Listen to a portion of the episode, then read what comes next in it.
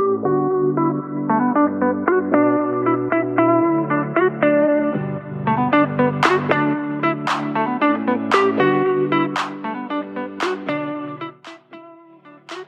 ik ga starten met deze podcast wil ik één ding echt super duidelijk maken. Want het maakt niet uit wat je doet, in welke branche je actief bent, hoe lang je al bezig bent, hoeveel omzet je al draait, met hoeveel klanten je al werkt, of je sales wel of niet leuk vindt.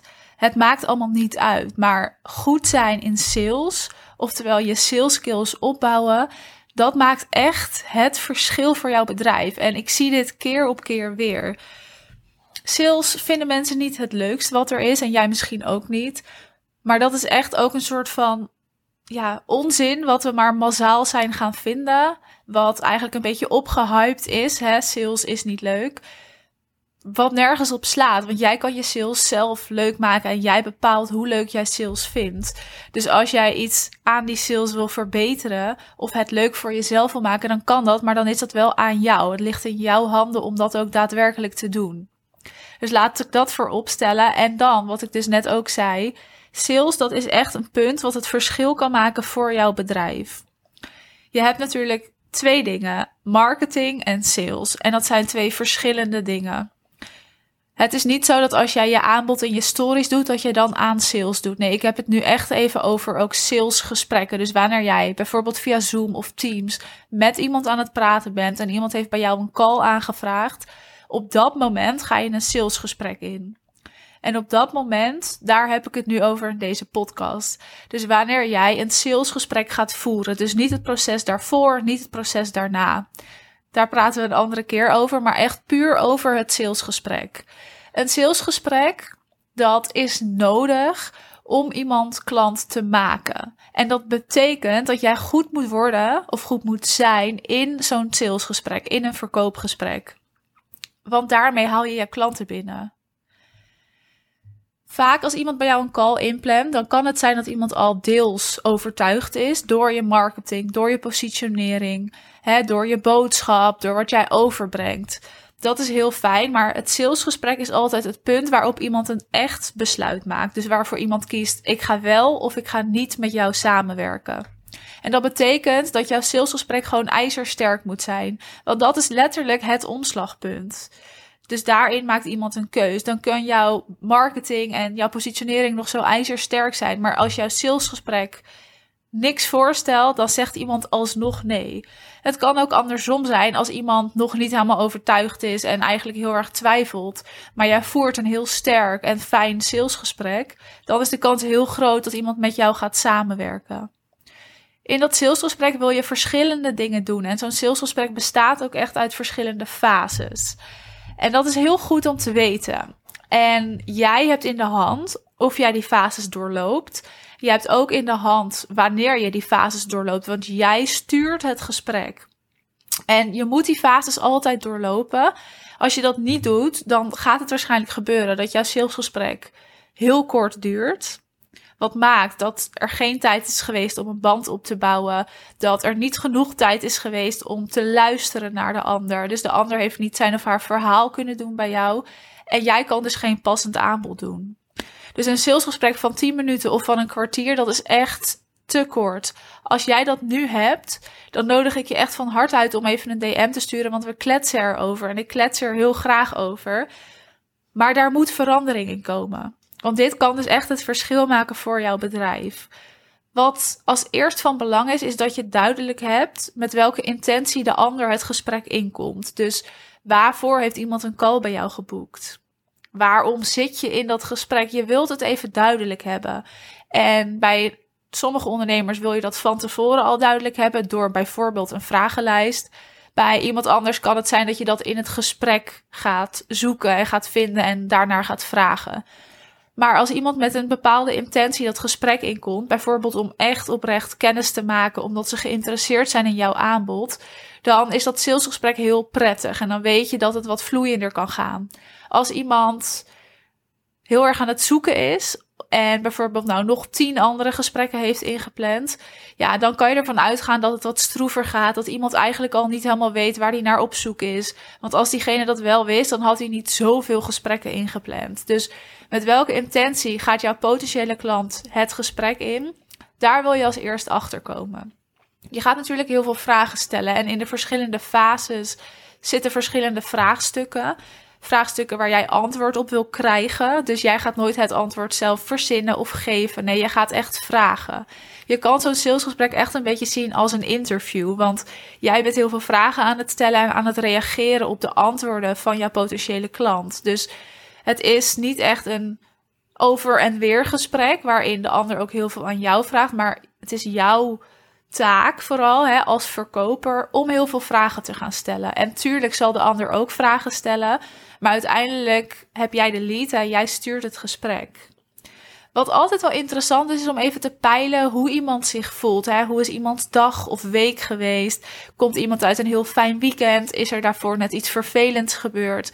Want dat heeft ook invloed op de kwaliteit van het gesprek en ook op welke rol jij moet aannemen. Dus het is heel interessant om gewoon even te openen, misschien met een fijn, relaxed gesprekje.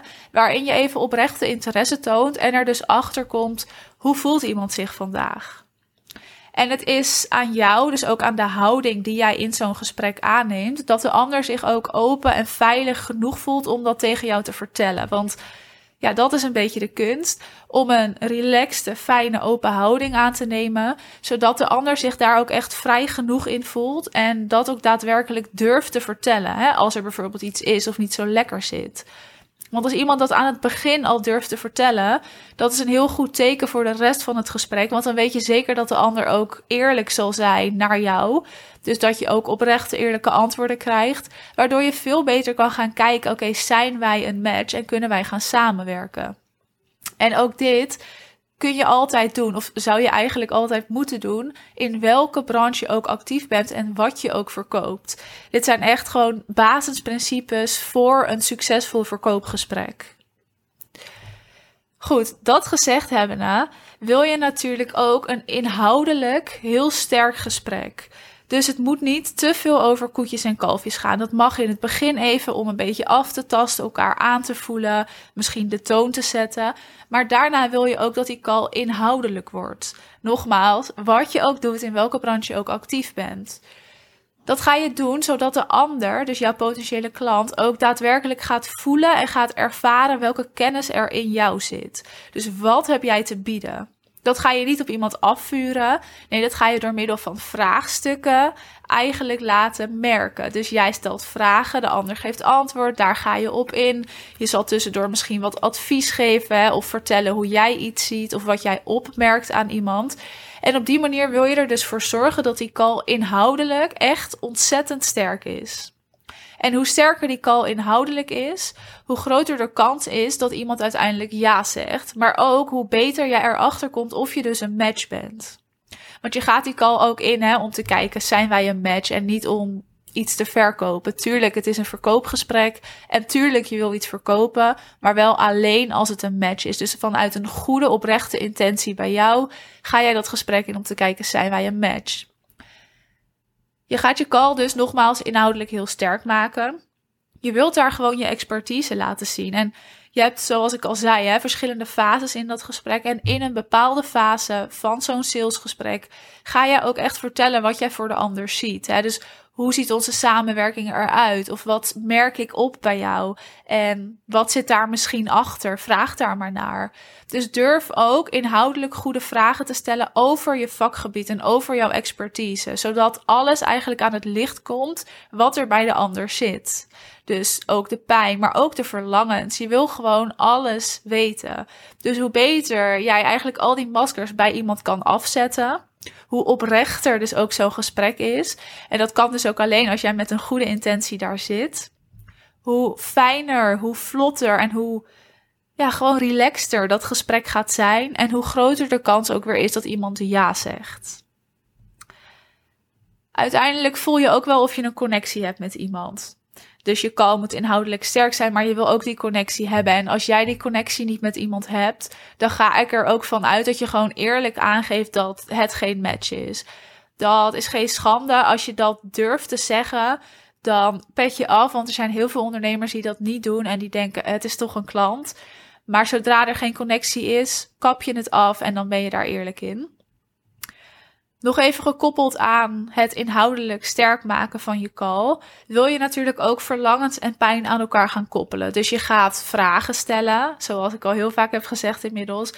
De ander geeft antwoord en daaruit komen bepaalde verlangens, komt een bepaalde pijn. En uiteindelijk wil je dat ook echt gaan koppelen aan elkaar. En vanuit daar doe je pas een aanbod. En vanuit daar, dus vanuit het gekoppelde verlangen aan het pijn, ga je pas vertellen wat zie ik eigenlijk voor jou en hoe kan het eruit zien als.